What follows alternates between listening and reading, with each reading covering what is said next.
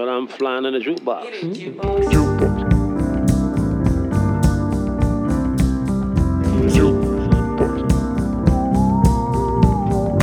Flying jukebox. Hej och välkomna till den flygande jukeboxen. En podd av, med och för musikälskare. Mitt namn är Patrik Stanelius och veckor som den här är jag särskilt glad att det här inte är en public service-produktion.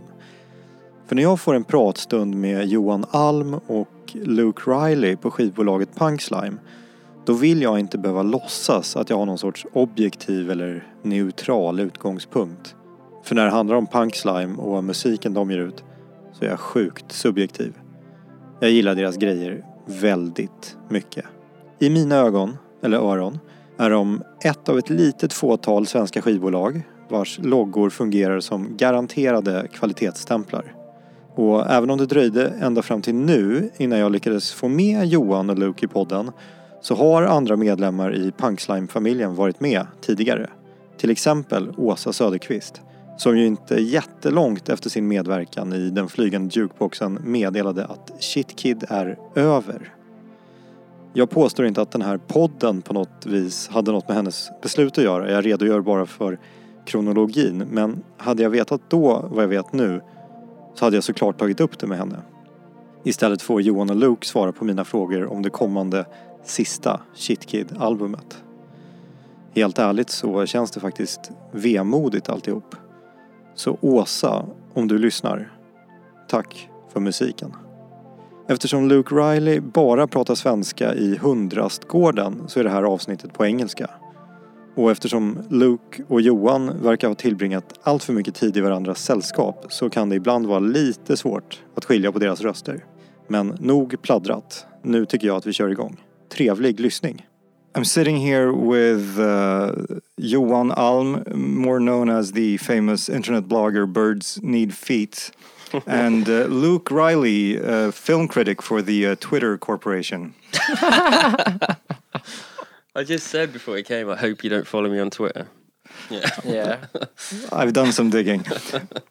no, but uh, I mean, th- those two facts are uh, obviously true. But you're also known as the uh, the main guys pushing the boundaries of underground rock and roll and uh, psychedelic pop and uh, other cosmic vibes here in Stockholm. I'm talking about the Punk Slime Recordings record company. How's it going? Yeah, we're good. Yeah. I didn't think anyone recognized my blog for it's it's not existed for seven years. But you were still on you MySpace. Still talk about it every day though. Yeah. Yeah, I talk about it every day. That's true. You've you've spoken about it in uh, other situations, and obviously this has been a uh, challenging year for both the industry and and you guys, and you've managed to uh, keep yourself afloat uh, for the moment, at least. What what I'm curious in uh, is it are you kind of waiting for somebody to tell you like the brakes are off, go for it, or are you chugging along minus kind of the live part of, of your uh, business? Yeah, Both in a way. a way. bit of both really. Um, I mean, mean- on on the live side of things, obviously it's a big, it's a big part of what we do, and a lot of our bands rely on their live performance to sort of show the world what they're about. But um, I mean, we've we've released. I don't know. You probably know how many records have we released. I don't know how many, but we've been We've been as we- busy as we've been going in like a normal pace, releasing stuff as we go. Uh, it's more been about how we do it. That's been the big change, and obviously, like once it's possible to do normal stuff again, that's going to be a massive help because we're sort of working with like one hand tied behind our backs now. the releases that you have uh, kind of made public that are upcoming are uh, uh, the 299 uh, album coming in May. And we've also got a, a special release that I uh, I want to touch upon a bit more later on in the uh, conversation. But this is the podcast where I try to set the uh, scene of conversation by by making some music selections, and uh, I think it's time to play the first track now. Cool.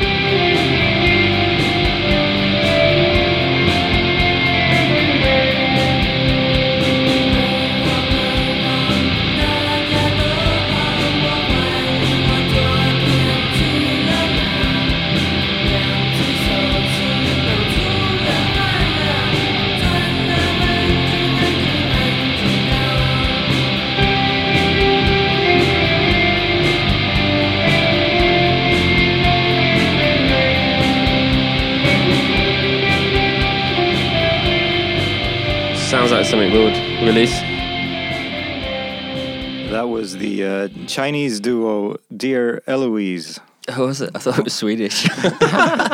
well, Aichinda Eloise, uh, consisting of a husband and wife uh, duo uh, that previously played in the uh, classic Beijing punk band PK14.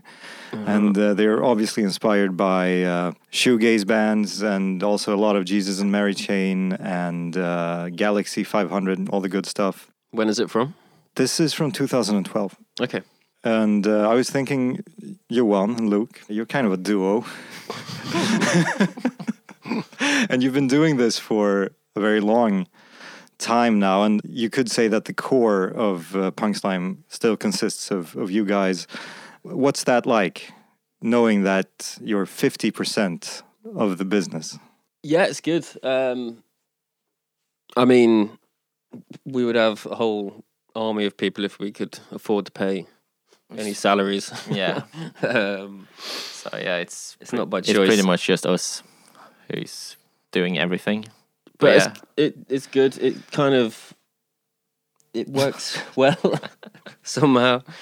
I mean, we're very very much organized chaos in a way. I think. yeah, and we're quite.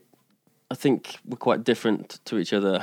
Yeah, I mean Yeah. we're we're alike in some ways, but we're very different in a lot of ways, which sort of works out in our favor for this kind of thing. yeah, Because we usually have like different ideas and perspectives about stuff, but then we pretty much always get along. and just general skill sets. Yeah, Like you're sure. really good with I'm spreadsheets and numbers and Yeah, I mean, um, you're you're a musician. Like you're more of, like creative side. I'm no, I'm not good. at Oh, I mean, kind of yeah, stuff. you do stuff like that as well. But yeah, No. no, kind of between Yeah. us, we sort of cover all the bases that we need to. So we can pretend we're a record label with ten people by just being two people. Yeah, hmm. Johan, do you ha- have you told Luke that there's like a hard cutoff time after which he's not allowed to text or phone you? No, I think I texted you about football at like eleven thirty last night. yeah, you did. I was Yeah. surprised you were still awake. I'm always I actually, awake when I by saw, then. Uh, weirdly enough, when I saw that message, I thought, "Oh God, what now?" but it was about football.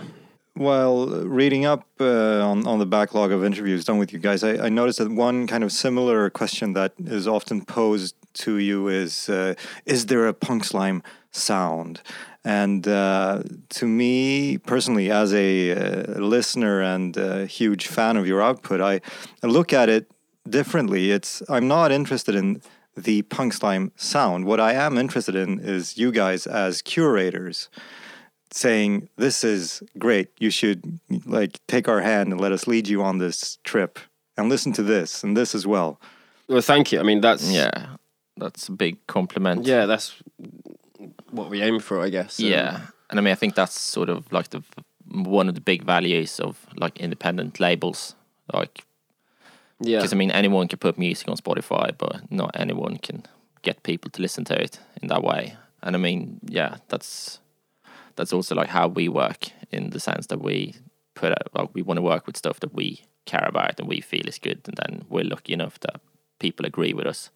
Yeah, and I mean, it is. We are sort of at the point where we do have, albeit probably a small pool of people that that buy every record that we put out now. Like we recognize the names because we do the pre-orders ourselves, and it's like, oh, Paul Cook's bought another record, and uh, Yeah. shout out to paul Yeah, Yeah, he'll like shout that. out to Paul. Hey, Paul. For sure. Um, and that's really like meaningful, actually. yeah, that's also like one of because I mean a lot of times when you're releasing music, especially now in the pandemic where you can't do anything, like you, it's easy to feel disconnected and like you're sort of just throwing stuff out, then like releasing it, but you don't see any results.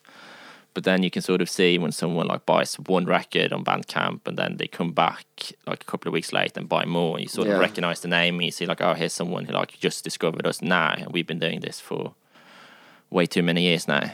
But and you do get people that leave yeah, like- messages like when they put the order in. I think on Bandcamp you can do it Yeah. as well, but on our store as well, there's like a, a box for like a message. yeah And like some people use that for like please pack this in. Like, all." Luke, this is your mother. Please answer your phone. exactly. Yeah. I've never seen that one yet, but I'm sure it's coming. So, yeah. yeah, it's nice. It's nice to be appreciated for what we do because uh, it's easy to sort of not see the bigger picture when you just focus constantly on the ins and outs on the back end. Moving on now, uh, we're going to talk a little bit more about your personal tastes and what you uh, individually bring to the table. And I'm going to start off by playing this.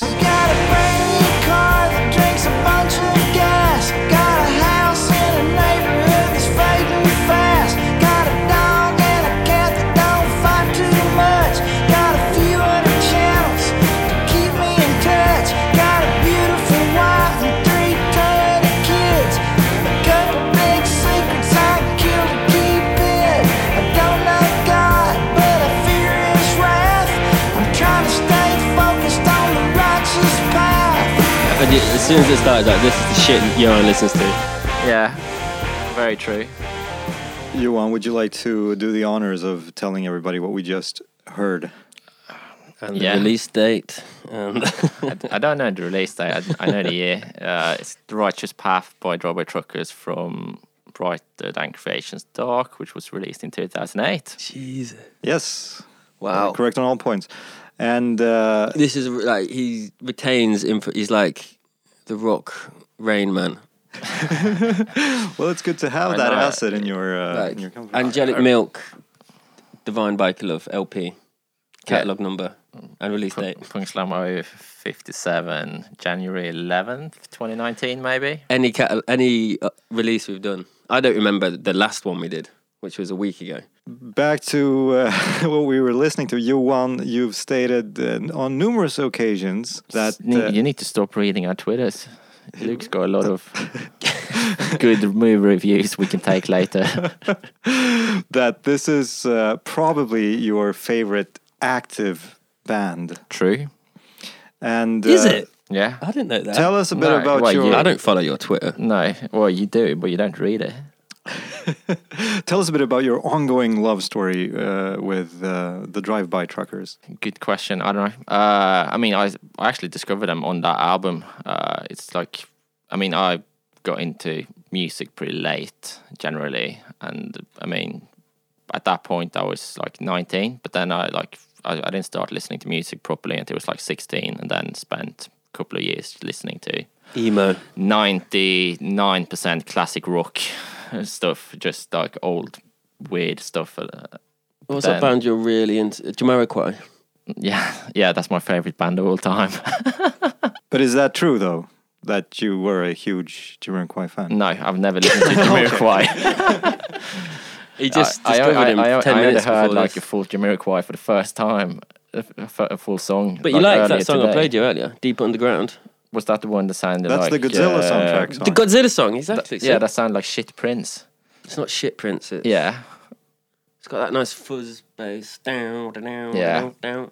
I, thought I thought it sounded like Shit Prince. Is that the right song? Yeah, I don't is. know. You played two songs. That's the first Jamiroquai songs I've actually heard.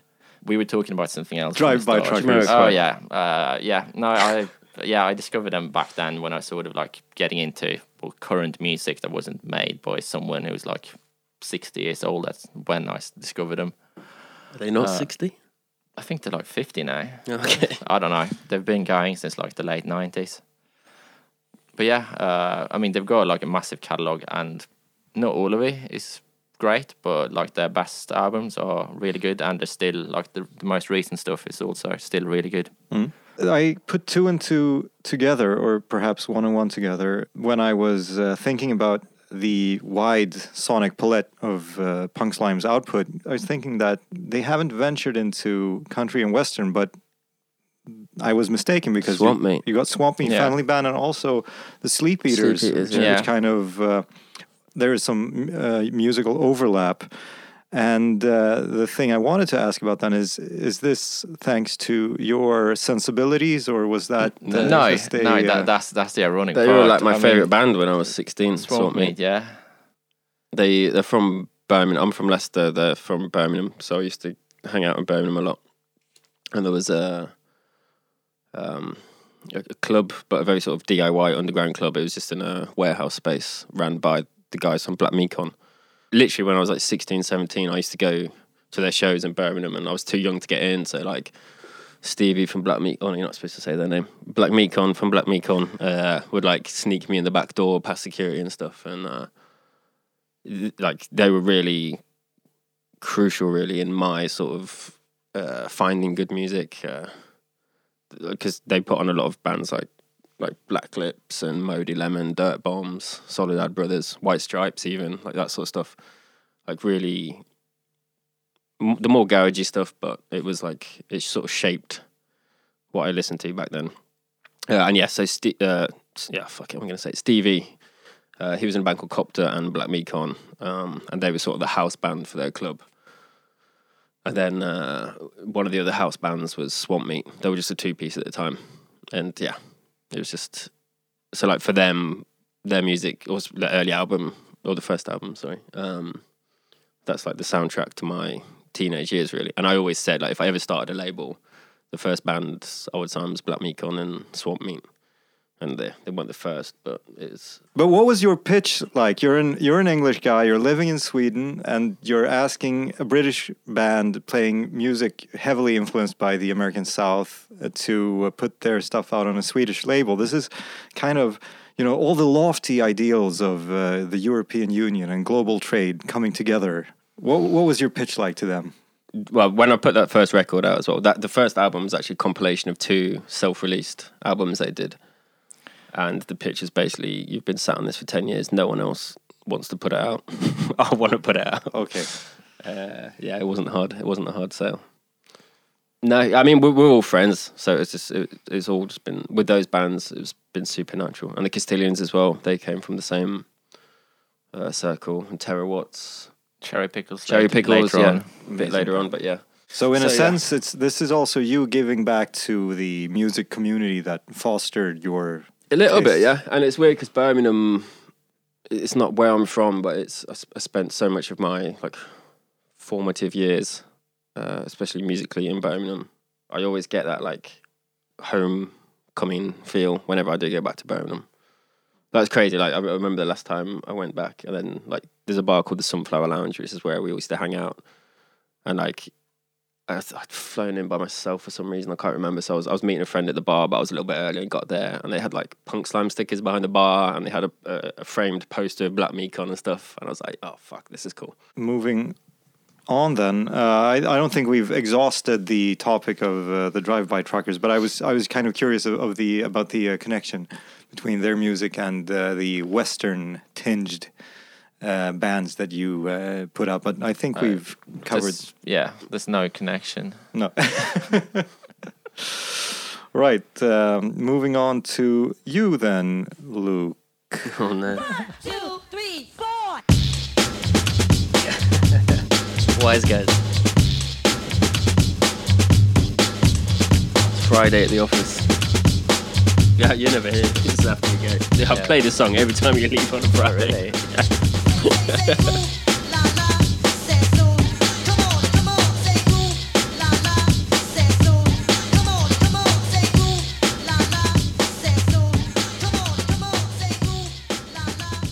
And uh, just as I asked uh, Johan uh, to do the honors uh, previously, uh, Luke, what what did we just hear? It was Jamiroquai with Deeper Underground. that, uh, Wise Guys. Ooh la la. A huge hit two decades ago or something when when Big Beat was at its peak. this music, this kind of music, was everywhere for a short while, and then it went up in smoke until last spring. It's true. Take us through it, guys. Maybe start from your perspective, Johan. You wake up one morning and uh, there are 45 unanswered calls from Luke. I wake up one morning and it's Corona, and then two months later, Luke sends an album. Yeah, that's pretty much it. That's pretty much the that's the short story. Well, I, I'd made music myself, but I hadn't done anything that I actually wanted to release. You recorded like four albums over four years that Yeah. I'm the only one who's heard it that hasn't played on them. yeah. Pretty much. yeah, I just there was a few months when Corona first hit where, yeah, we, well, I stayed home for a few months, and work slow down a little bit at the start. We were still doing stuff, but we were at that point where we were kind of a few things were slightly delaying. Like, okay, maybe this is going to be gone in a month or two. But then when we realised that wasn't going to happen, It was like a weird thing in like the music industry as well, where like all the press sort of shut down and like everything really slowed down for like a month and a half at the start. So Yeah. there was like a big. I mean, you couldn't do much because no, everyone was sort of in limbo. yeah. So And then, uh, so I had some spare time on my hands for the first time in probably five years, probably. I wasn't just ignoring my duties, I just literally had a few hours for each day. So then I thought, make some music. Not done that for a while. It was a very depressing time. I thought, what's the happiest music? Obviously, 90s big beat. And obviously, I, was, I did it all at home on my laptop and headphones and sound card, so I couldn't record drums or anything. So and it turned out, I don't know why, but subconsciously I must have planned this a while because I had a hard drive full of like big beat drum loops that I've been collecting for years. Yeah, I just started putting stuff together. A, a lot of it actually was um, like old songs I'd recorded f- over the years, but had never finished. And then I was just like, okay, I'm going to take the guitar riff from that, put a stupid big beat drum loop over the top of it, and then get Sadaki Stan to sing over the top of it. So then I was just calling up all my friends, like, okay, I'm doing this weird project. Would you want to sing on this song? And everyone was just like, I thought uh, some people would be like, no, this sounds like trash. But uh, yeah, everyone said yes to it. And yeah, it was a lot of fun. It was very fast. But uh, yeah, it was good. And it felt good to actually put something out. And uh, for those of you who are confused trying to puzzle together what we're talking about, we're talking about the album International Breakdown that you put out under your Lucern Raze alias with help from uh, pretty much an, an all star gathering of the Punk Slime roster and Yeah. some new friends as well. Yeah, Bryson. And he's a rapper from Portland. Bryson the Alien. Bryson the Alien, and he he'd been emailing us uh, with some of his stuff that yeah we'd really liked. But by the time I'd caught up with the emails, he'd sort of self-released the stuff he'd sent. So I just emailed him and said, "Yeah, do you want to try and rap over these songs?" And then he did, and he absolutely smashed it. I think I think they're probably the best songs on the record. Um, Johan, what are your thoughts and sentiments towards that particular album? I love it. It was it was so unexpected because like the well, yeah I mean you did like the first Lucern Raze album in like was that 2015 or something and it's like garage rock pop whatever you want to call it and then pretty much like the other stuff you sent like along the years was like it wasn't it didn't sound the same but it's like in the same like sort of grand spectrum of things Yeah. and then this was completely different But that was the thing as well. Like I'd always, in my head, that's why I didn't release any of the albums I did because it was too straightforward, sort of Yeah. garage rock. I always liked the idea of having every album completely yeah different. It just took me twenty years to work out that Big Beat was the answer. yeah All is right. Now, uh, obviously, uh, you guys have uh, lives outside of these walls, and uh, I thought we were going to touch briefly upon that with this next song that I'm going to play, and it sounds like this.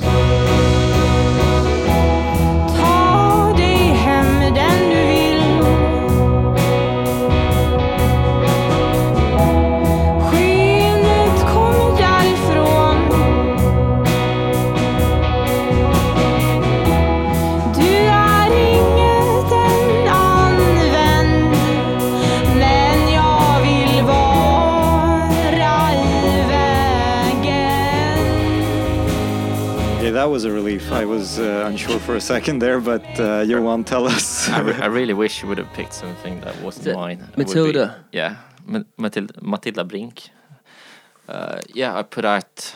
Snöa is the name of the track. Yeah, it's from her. Well, she's only got one album, but it's from her debut album that was released in uh, 2019 on my little side label thing. Mm.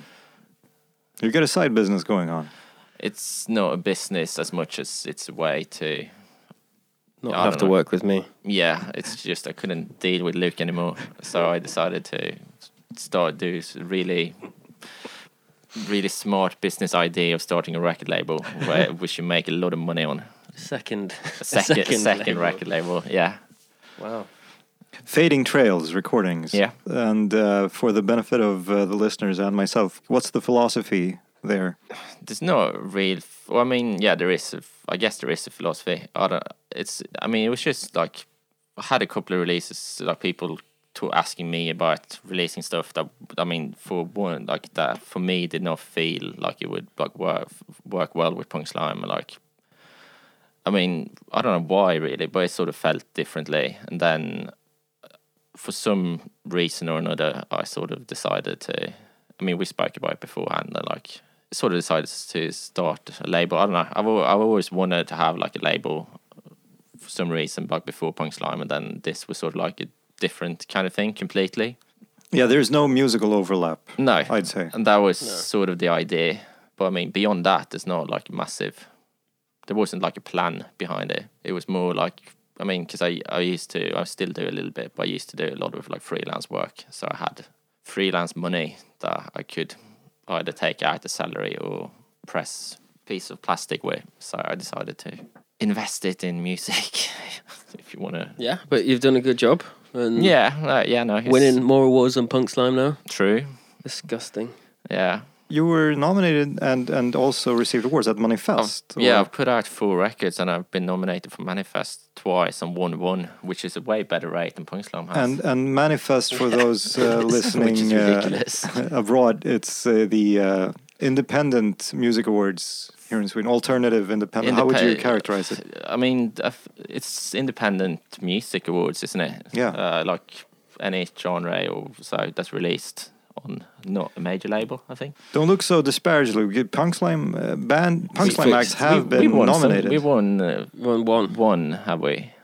Been nominated a bunch of times. Correct me if I'm wrong, but you wore a suit and tie to one of those events. Here's Yeah, a we true story. did. We started it. The first time we went, we suited up. We were the only people there. Everyone was laughing at us. Literally. P- yeah, people were literally Like, laughing at I won't na- and I won't "Why- name why- why- names." Why are you dressed like this? Certain fucking douchebags in the industry were coming up to us like, ha, ha, ha, look at you. You know what I'm talking about. And Yeah, he I knows do. what he's talking about if he's listening. And now, every fucker's wearing a suit there. And uh, Åsa uh, Söderqvist, shit kid, actually managed to get thrown out wearing high heels and a Yeah, she did. Yeah, nice the dress. year, the year she After won. winning. Yeah, that's what that she's been nominated like three times. I think that's the one she won, where she got kicked out like two hours later. Good game. Yeah. Mm. So uh, if, if, people want to learn more about uh, your side business, check out Fading Trails. Uh, let's crank up the heat.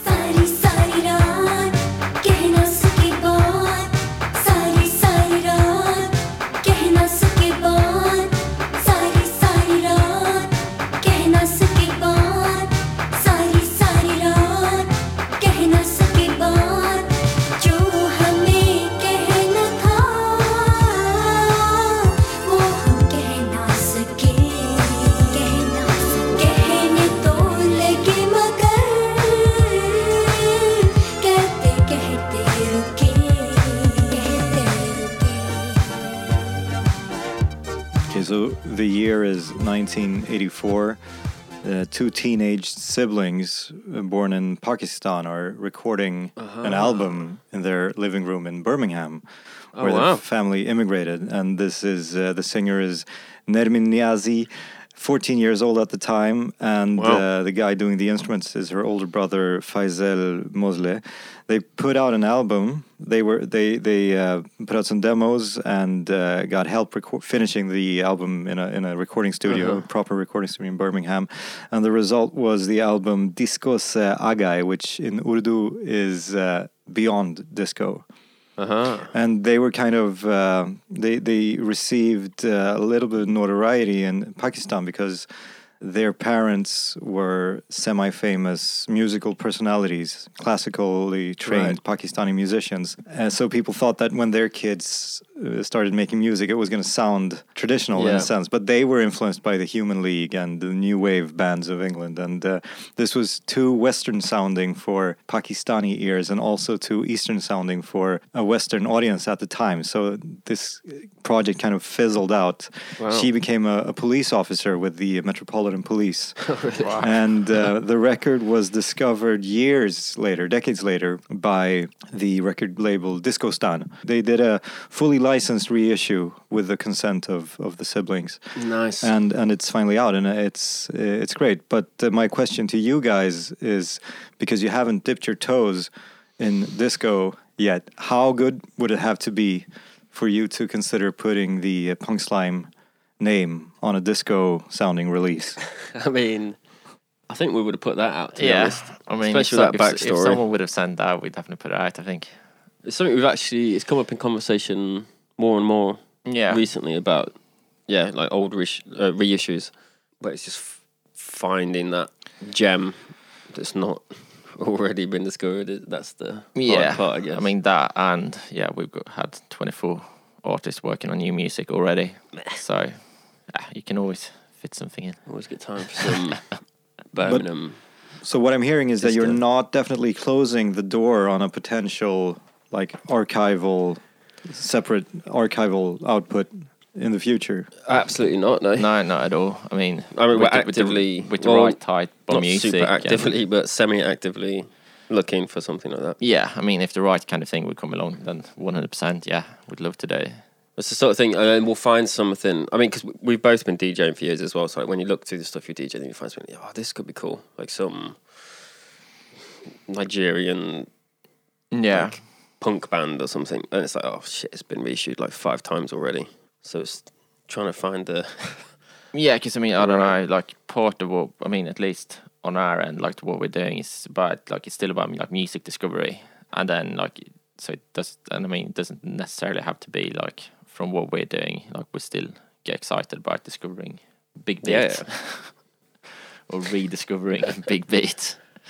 So I mean, it could be like pretty much anything, but it's more about I don't know, like us having both of us actually like caring and having that connection to whatever it is. Okay, well, amazing. I'm uh, uh, looking forward to it whenever that may happen. Excited to see what you guys might dig up and uh, dust off and put out.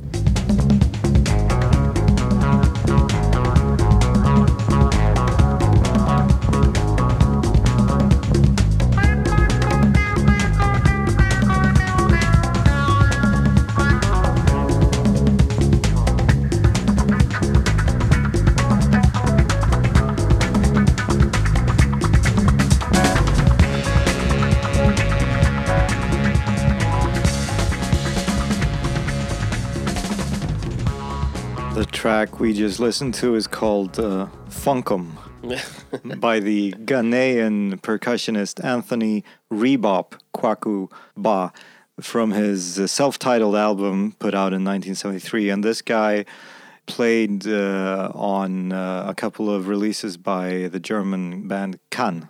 Uh, unfortunately, it was a later era Can, not their best albums. But uh, the thing about uh, Rebop is that he died on stage in Sweden in 1983 when he was touring with uh, Jimmy Cliff.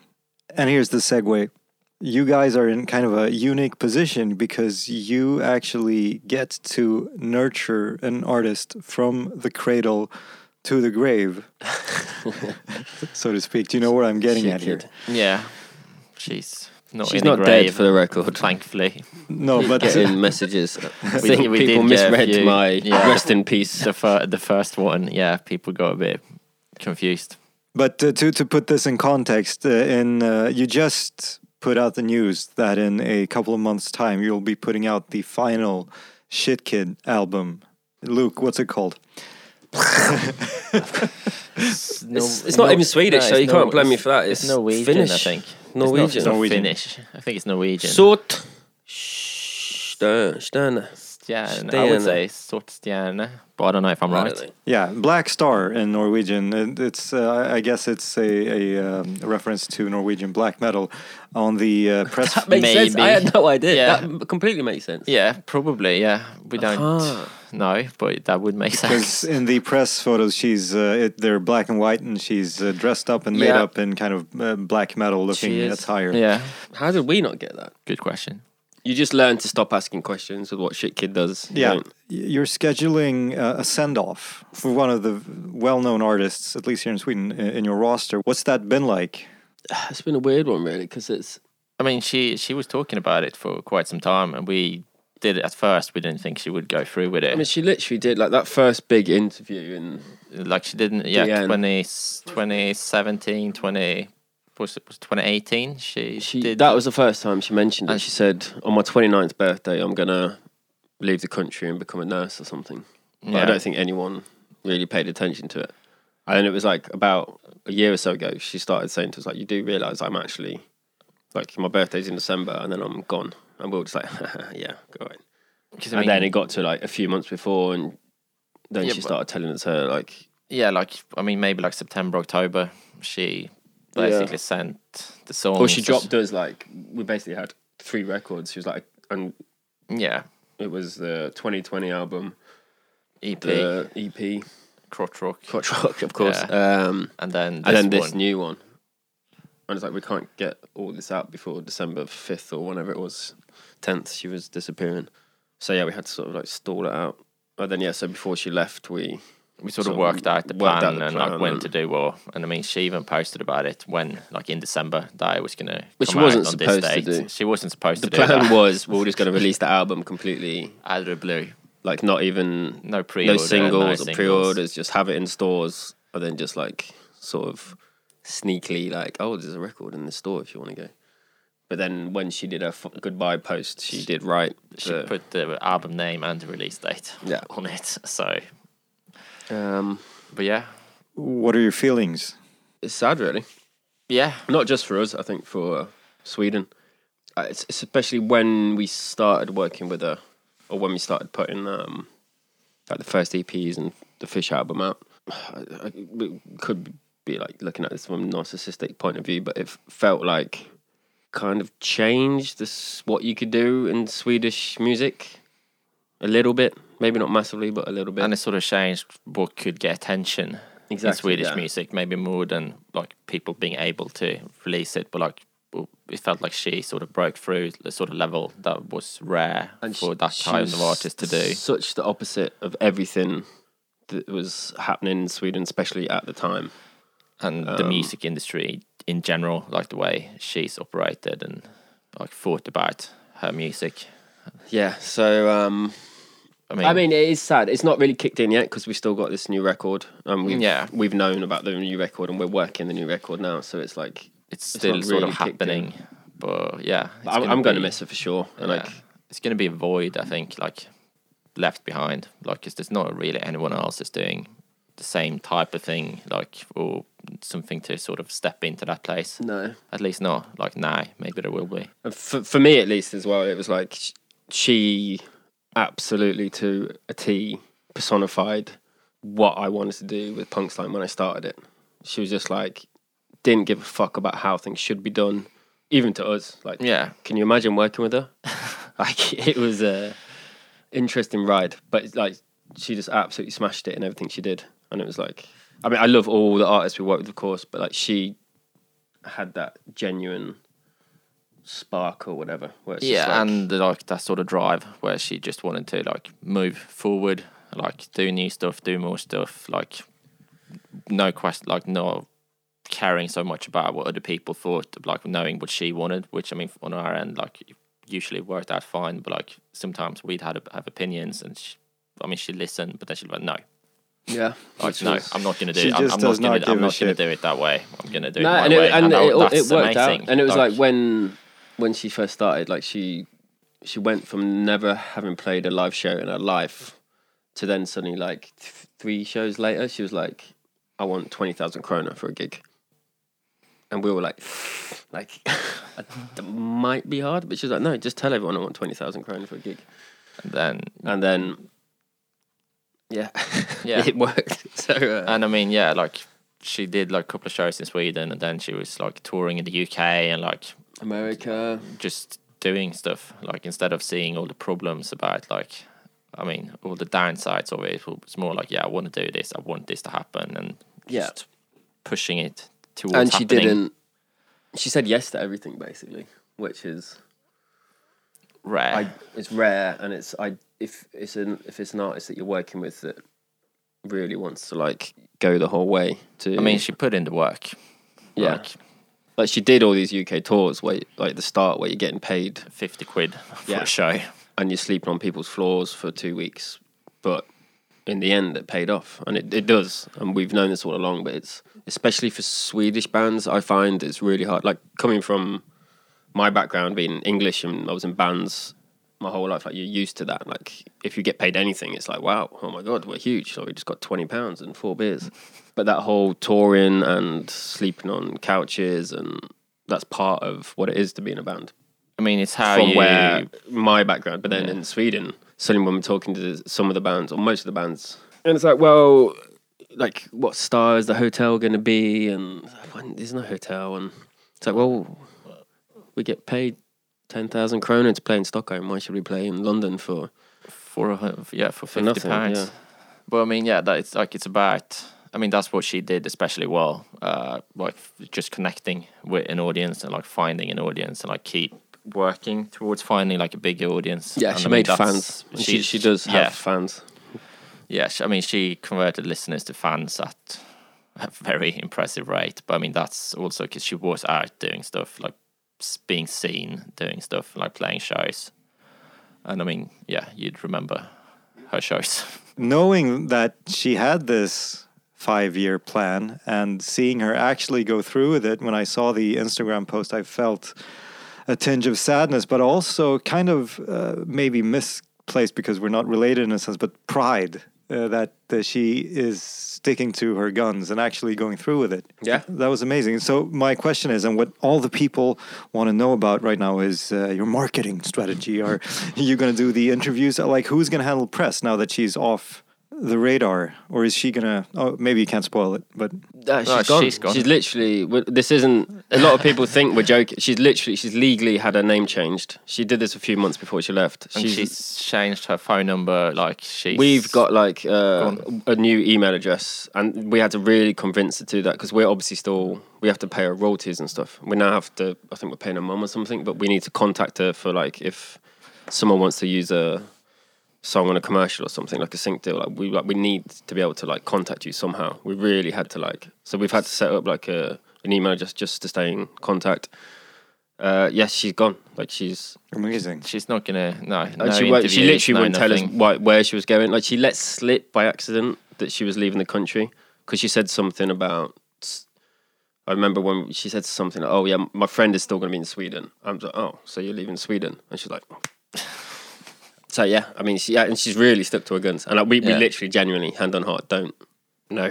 but uh, that's kind of cool, I guess. Yeah, I mean we yeah we we know as much as anyone who reads her Instagram posts basically. The upcoming album is a double album filled with uh, unused songs from all of her releases. Yeah, basically, I mean yeah it's f- from like 2016 or maybe 2015 even up until I mean she finished the last ones like yeah in the fall like in October I think. Well, really looking forward to that, and uh, that drops in in June for people who are interested.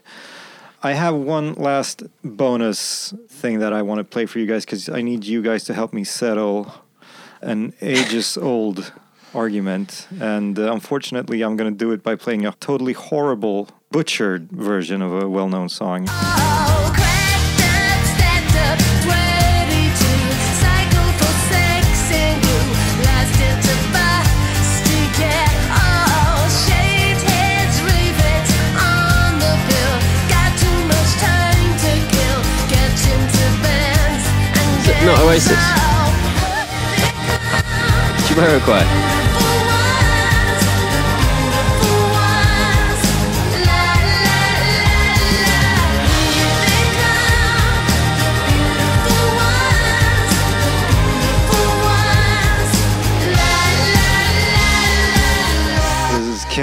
Kim doing a disservice Oh, to Suede fans all over the globe. Ah. yeah. but you knew this. No.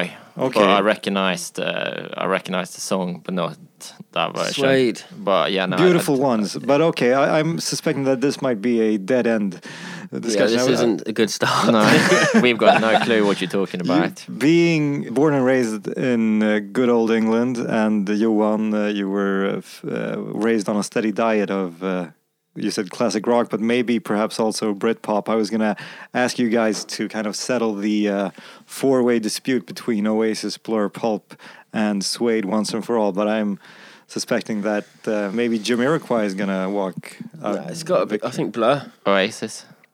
Oasis are shit. I used to love them when I was like, yeah, Uh, no, they're not 17. shit. I don't know.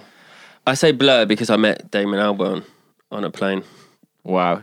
Well, no, Did he come up to you and say, "Are you Luke Riley?" yeah. Yeah.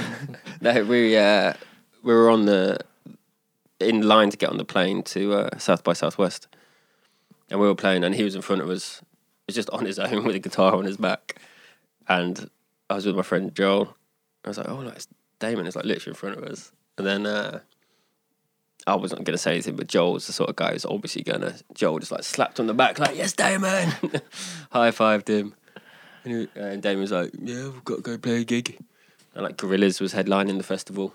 he was just like, so yeah, that is my answer. Okay. Yeah. I think I listened to Blur more than Uh, I listened to both Suede and Pulp more than Oasis. you didn't know that Blur. Suede song. It's one of their most famous. Famous songs. It Yeah, I was never heard it. everywhere in 1996. Yeah, in 1996, I did not know what music was. Yeah, that's not an answer. You can't claim to be a Suede fan. I'm, don't I'm not, most sa- I'm not saying I'm a Suede fan. You that was just a cover by Kim Wilde as well.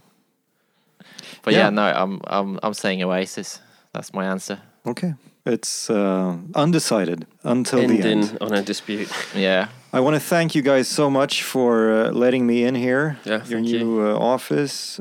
Any final messages? Yeah, my mum might listen in Leicester. So what's Shit, I've been swearing too. much. what's your mother's name? I've been swearing too much. Uh, Mo. Mo and Leicester. Here's to you. You want any last words? Sorry, mum. Mm, no. Okay. And on that note, uh, bye, thank you och vi hörs. Vi hörs. Thank you.